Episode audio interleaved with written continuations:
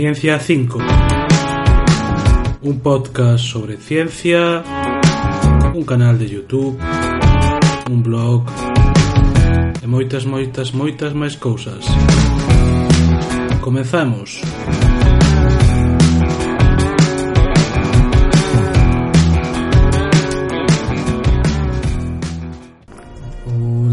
outros outra Manía máis en Ciencia 5 Seguimos co estreno do tempo do Big Bang os boletos negros de Stephen Hawking. Seguimos coas partículas elementais e as, fonte, as forzas da natureza. Aristóteles cría que toda a materia do universo estaba composta por catro elementos básicos Terra, aire, fogo, fogo sí, fogo sí, lume e auga. Estos elementos sofrían a acción de dúas forzas A gravidade ou tendencia da Terra e da auga a hundirse, fundirse, perdón, a lixeireza, a tendencia do aire e do lume a ascender e a división, esta división dos contidos do universo en materia e forzas sigue usando hoxendía. Tamén cría Aristóteles que a materia era continua, é dicir que un pedazo de materia podía dividirse sen límite en partes cada vez máis pequenas, nunca se tropazaba un con un grande materia que non se pudera continuar dividindo. Sin embargo, uns poucos sabios gregos, donde de Demócrito, sostiñan que a materia era inherentemente gran granular, gran e que todas as cousas están constituídas por un gran número de diversos tipos diferentes de átomos. A palabra, a palabra átomo significa divisible en grego, indivisible en grego. Durante séculos, a discusión continuou sen ninguna evidencia real a favor de calesquera das posturas, ata que en 1803 o químico físico británico John Dalton sinalou co feito de que os compostos químicos sempre se combinaran en certas proporcións podía ser explicado mediante o agrupamento de átomos para formar outras unidades chamadas moléculas. Non obstante, a discusión entre as dúas escolas do pensamento non se zanxou de modo definitivo a favor das atomistas ata primeiros anos do noso século. Unha das evidencias físicas máis importantes foi a que proporcionou Einstein en un artigo escrito en 1905. Unhas poucas semanas antes do famoso artigo sobre a relatividade especial, Einstein sinalou que o fenómeno coñecido como momento browniano, o momento irregular aleatorio de pequenas partículas de pó suspendidas nun líquido podría ser explicado polo efecto das colisións dos átomos do líquido coas moléculas, coas partículas de pó. Naquela época, se había sospeitas de que os átomos non eran, despois de todo, indivisibles. Facía xa varios anos que un compañeiro do Trinity College de Cambridge, Thomson, demostrara a existencia dunha partícula material chamada electrón que tiña unha masa menor que a milésima parte da masa do átomo máis lixeiro. Ele utilizou un dispositivo parecido a un tubo dun aparato de televisión un filamento metálico incandescente soltaba os electróns que debido a que teñen unha carga eléctrica negativa podían ser acelerados por medio dun campo eléctrico cara a unha pantalla revestida de fósforo.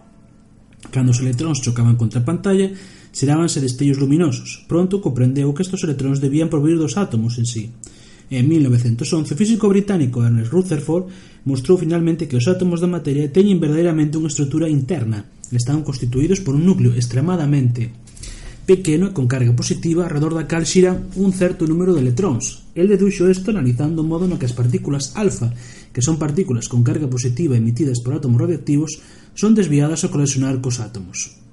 O principio creo que o núcleo do átomo está formado por electróns e cantidades diferentes dunha partícula con carga positiva chamada protón, que provén do grego e significa primeiro porque se cría que era a unidade fundamental da que estaba constituída a materia. Sen embargo, en 1932, un colega de Rutherford, James Chadwick, descubriu en Cambridge que o nucleotón tiña outras partículas, chamadas neutróns, e tiñan case a mesma carga que o, a mesma masa perdón, que o protón, pero que non poseían carga eléctrica. Chadwick recibiu o Premio Nobel por este descubrimento e foi elexido máster director de Gonville en Caios eh, College en Cambridge, o colexo do que ora son do que ora eh, Hawking eh, Fellow. Máis tarde, dimitiu como máster debido a desacordos cos fellows.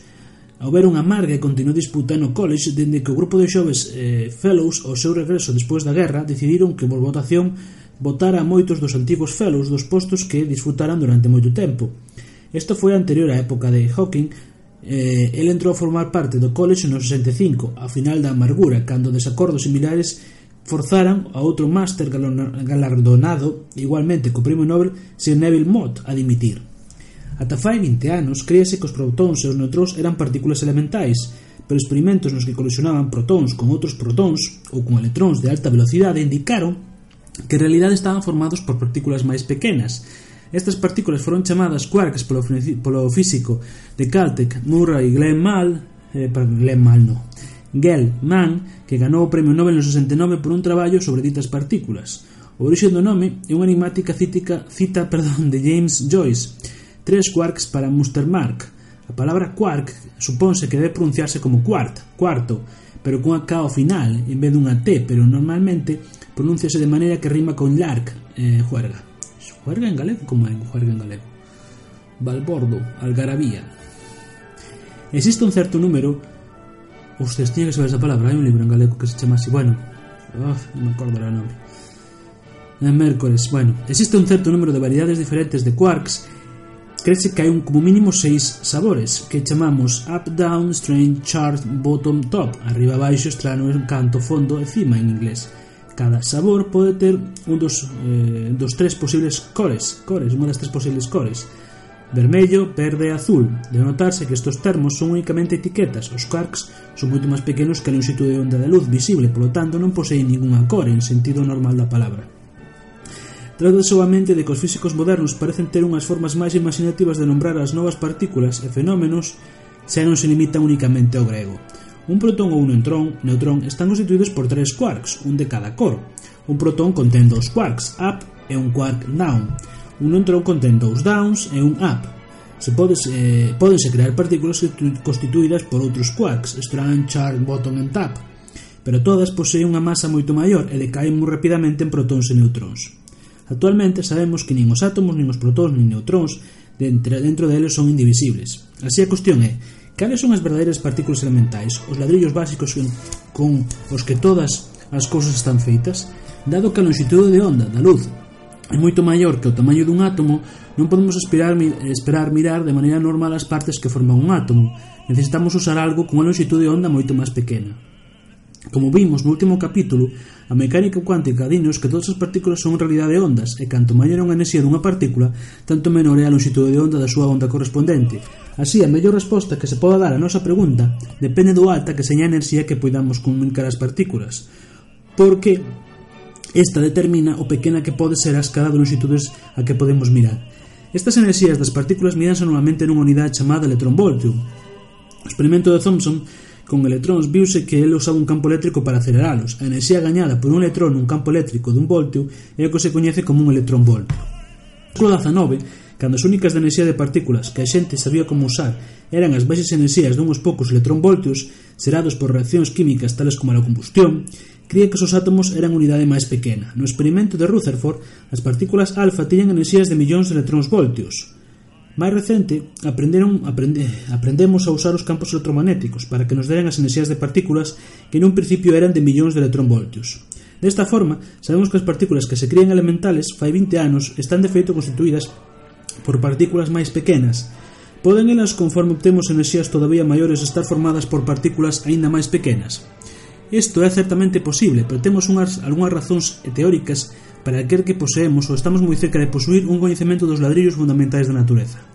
Usando a dualidade onda-partículas discutida no último capítulo, todo o universo, incluído a luz, a gravidade, pode ser descrito en termos de partículas. Estas partículas teñen unha propiedade chamada spin. O modo de imaginarse o spin é representado as partículas con pequenas peonzas xirando sobre o seu eixe. Sin embargo, este pode dicir a error, porque a mecánica, cuanta din, mecánica cuántica dinos que as partículas non teñen un eixe ben definido. O que nos di realmente o spin da partícula é como se mostra a partícula desde distintas direccións.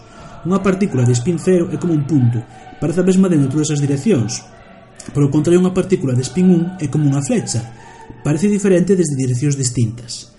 Solo se unha xira unha volta completa 360 grados, a partícula parecerá a mesma, unha partícula de spin 2 é como unha flecha con dúas cabezas, parece a mesma se xira a media volta, 180 grados, de forma similar, partículas de spins máis altos e saltos parecen as mesmas se son xiradas unha fracción máis pequena dunha volta completa. Todo isto parece bastante simple, pero o feito notable de que existen partículas que non parecen as mesmas se unha xira dunha xusto unha volta, hai que xiralas dúas voltas completas. Dice que tales partículas poseen un spin dun medio. Todas as partículas coñecidas do universo pódense dividir en dous grupos, partículas de spin medio, as cales forman a materia do universo, e partículas de spin 0, 1 e 2, as cales, como veremos, dan lugar ás forzas entre as partículas materiais. As partículas materiais obedecen ao que se chama principio de exclusión de Pauli. Foi descoberto no 25 por un físico austriaco Wolfgang Pauli, que foi galardoado co Premio Nobel no 45 por dita contribución. El era o prototipo de físico teórico, dicíase incluso a súa, súa presencia nunha cidade faría que ali os experimentos fallaran. ¿Mm? O principio de exclusión de Pauli di que dúas partículas similares non podían existir no mesmo estado, é dicir, non poden ter ambas a mesma posición e a mesma velocidade, dentro dos límites fixados polo principio de incertidume. O principio de exclusión é crucial porque explica por que as partículas materiais non colapsan un estado de moi alta densidade baixo influenza das forzas producidas polas partículas de spin 0, 1 e 2. Se as partículas materiais están case na mesma posición, deben ter entonces velocidades diferentes, o que significa que non estarán na mesma posición durante moito tempo. Se o mundo houbera sido creado sin o principio de exclusión, os quarks non formarían protóns e neutróns independentes ben, ben definidos nin tampouco estes formarían xunto cos electróns átomos independentes ben definidos. Todas as partículas colapsaríanse formando unha sopa densa máis ou menos uniforme. Un entendemento adexeitado do electrón e das outras partículas de spin 1 medio non chegou hasta o ano 28, no que unha teoría satisfactoria foi proposta por Paul Dirac, que máis tarde obtivo a cátedra Lucas Sain de Matemáticas de Cambridge, a mesma cátedra que Newton había que obtivo perdón e que agora ocupa Hawking na redacción deste libro me refiro Na teoría de Dirac foi a primeira que era a vez consistente coa mecánica cuántica e coa teoría da relatividade especial. Explicou matemáticamente por que o electrón tiña, o electrón, perdón, tiña spin un medio. É dicir, por que non parecía o mesmo se xiraba solo unha volta completa. Pero sí que o facía se xiraba dúas voltas. Tamén predixo que o electrón debería ter unha parella, un electrón ou un positrón.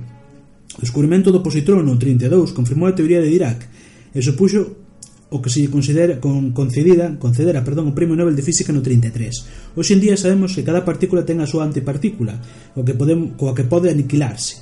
No caso de partículas portadoras de forzas, as antipartículas son partículas son as partículas mesmas. Podría existir antimundos e antipersoas enteros feitos de antipartículas, pero se se topa vostede co seu anti-eu, non lle de a man, ambos desaparecerían nun gran deste, nunha gran explosión luminosa. A cuestión de por que parece haber moitas máis partículas que antepartículas ao noso redor é extremadamente importante e volveremos a ela ao largo deste capítulo. Na mecánica cuántica as forzas ou interaccións entre partículas materiais suponse que son todas transmitidas por partículas de spin inteiro 0, 1 e 2 o que sucede que a partícula material, tal como un electrón un quark, emite unha partícula portadora de forza. O retroceso producido por esta emisión cambia a velocidade da partícula material. A partícula portadora de forza colisiona despois con outra partícula material e é absorbida. Esta colisión cambia a velocidade da segunda partícula, xusto igual como se houbera habido, como se houbera, perdón, unha forza entre as dúas partículas materiais. Unha propiedade importante das partículas portadoras de forza é que non obedecen ao principio de exclusión. Isto significa que non existe un límite ao número de partículas que se poden intercambiar, polo que pode dar lugar a forzas moi intensas. Non obstante, se as partículas portadoras de forza pois unha gran masa, será difícil producilas e intercambialas a grandes distancias. Así, as forzas que le transmiten serían de corto alcance. Dice que as partículas portadoras de forza que se intercambian entre sí que intercambian entre sí as partículas materiais son partículas virtuais, porque ao contrario que as partículas reais non poden ser descobertas directamente por un detector de partículas. Sabemos que existen, non obstante, porque teñen un efecto medible, producen as forzas entre as partículas materiais. As partículas de spin 0, 1 e 2 tamén existen en algunhas circunstancias como partículas reais, entón poden ser detectadas directamente. Este caso mostranse como, como un físico, perdón, este caso mostranse como o que un físico clásico chamaría ondas, tales como as ondas luminosas ou as ondas gravitatorias, a veces poden ser emitidas por cando as partículas materiais interactúan entre sí, por medio dun intercambio de partículas virtuais portadoras de forza, por exemplo, a forza eléctrica, repulsiva entre dous electróns é debido ao intercambio de fotóns virtuais que non poden nunca ser detectados directamente, pero cando un electrón se cruza con outro, poden producir fotóns reais que detectamos como ondas luminosas. As partículas portadoras de forza agrupar en catro categorías, de acordo coa intensidade da forza que transmiten e co tipo de partículas cos que interactúan. É necesario sinalar que esta división en catro clases é unha creación artificiosa do home. Resulta convinte para a construción, para a construción de teorías parciais, pero pode que non corresponder a nada máis profundo. No fondo, a maioría dos físicos esperan atopar unha teoría unificada que explicará as catro forzas, como aspectos diferentes dunha única forza. En, en verdade, Moitos dirán que este é o obxectivo principal da física contemporánea. Recentemente, realizáronse con éxito diversos intentos de unificación de tres de catro categorías da forza, o que describe o resto do capítulo. A cuestión da unificación da categoría restante a gravidade deixarase para máis adiante. A primeira categoría é a forza gravitatoria. Esta forza é universal, en sentido de toda partícula a experimenta, de acordo coa súa masa e enerxía. A gravidade é a máis débil, con diferencia das catro forzas, é tan débil que non a notaríamos en absoluto se non fora por dúas das propiedades especiais que posee, pode actuar a grandes distancias e é sempre atractiva. Isto significa que as moi débiles forzas gravitatorias entre as partículas individuais de dous corpos grandes como a Terra e o Sol poden sumarse todas e producir unha forza total moi significativa. As outras tres forzas, ou ben son de corto alcance ou ben son a veces atractivas ou a veces repulsivas, de forma que tenden a cancelarse. De punto de vista mecánico cuántico, de considerar o campo gravitatorio, a forza entre dúas partículas materiales representase transmitida por unha de spin 2, chamada gravitón. Esta partícula non posee masa propia, polo que a forza que transmite de, largo de longo alcance, non sei se antes largo, longo alcance. A forza gravitatoria entre o Sol e a Terra atribúese ao intercambio de gravitóns entre as partículas que forman estes dous corpos, aunque as partículas intercambiadas son virtuais, producen certamente un efecto medible. Fan girar a Terra ao redor do Sol, Os gravitóns reais constituen o que os físicos clásicos chamarían ondas gravitatorias, que son moi débiles e tan difíciles de detectar que aínda non foron observadas. A seguinte categoría é unha forza electromagnética que interactúa cas partículas cargadas eléctricamente, como os electróns e os quarks, pero non cas partículas en carga, como os gravitóns. É moito máis intensa a forza que a forza gravitatoria. A forza electromagnética entre dous electróns é aproximadamente un millón de billóns de billóns de billóns, un con 4 con, con 4 e sí, con 40 e dous ceros detrás veces maior que a forza gravitatoria. Sin embargo, hai dous tipos de carga eléctrica, positiva e negativa. A forza entre dúas cargas positivas é repulsiva, a igual que a forza entre dúas cargas negativas, pero a forza é atractiva entre unha carga positiva e unha negativa. Un corpo grande como a Terra ou o Sol contén prácticamente o mesmo número de cargas positivas e negativas. Así, as forzas atractivas e repulsivas entre partículas individuais case se cancelan entre sí, resultando unha forza electromagnética eh, moi débil. Sin embargo, as, as distancias pequenas, típicas de átomos e moléculas, as forzas electromagnéticas dominan. A atracción electromagnética entre os electróns cargados negativamente e os protóns do núcleo cargados positivamente fan que os electróns xiren ao redor do núcleo do átomo, igual que a atracción gravitatoria fai que a Terra xire ao redor do Sol.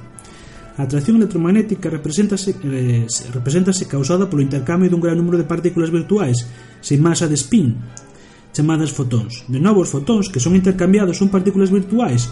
Non obstante, cando un electrón cambia dunha órbita permitida a outra máis cercana ao núcleo, liberase enerxía emitindo un fotón real, que pode ser observado como luz visible polo ollo humano. Sempre que posea a longitude de onda axeitada ou por un detector de fotóns tal como película fotográfica. Igualmente, se un fotón real colisiona con un átomo pode cambiar un electrón de unha órbita cercana ao núcleo de outra máis lonxana. Este proceso consume a enerxía do fotón que, polo tanto, é absorbido. A terceira categoría é a chamada forza nuclear débil, que é responsable da radioactividade, que actúa sobre todas as partículas materiais de spin 1 medio, pero non sobre as partículas de spin 0, 1 e 2, tales como fotóns e gravitóns. A forza nuclear débil non se comprendeu ben hasta 1967 en Abdul Salam, de Imperial College of Londres, e de Steven Weinberg, Weinberg de Harvard propuxeron unha teoría que unificaba esta interacción con, coa forza electromagnética da mesma maneira que Maxwell unificar a electricidade e magnetismo uns cenas anos antes. Suxeriron que, ademais do fotón, había outras partículas de spin 1 coñecidas colectivamente como bosóns vectoriais masivos que transmiten a forza débil. Estas partículas coñécense como W+, W-, Z0 e cada unha posee unha masa dunhos 100 eh, gigaelectronvoltios ou mil millóns de electróns voltios. A teoría de eh, Weinberg e Salam, propón unha propiedade coñecida como rotura de simetría espontánea. Isto quere dicir que o que a baixas enerxías parece ser un certo número de partículas totalmente diferentes, en realidade é o mesmo tipo de partícula, solo que en estados diferentes. Altas enerxías, todas estas partículas comportanse de maneira similar. O feito é coñecido comportamento dunha bola de ruleta sobre a, a roda da ruleta.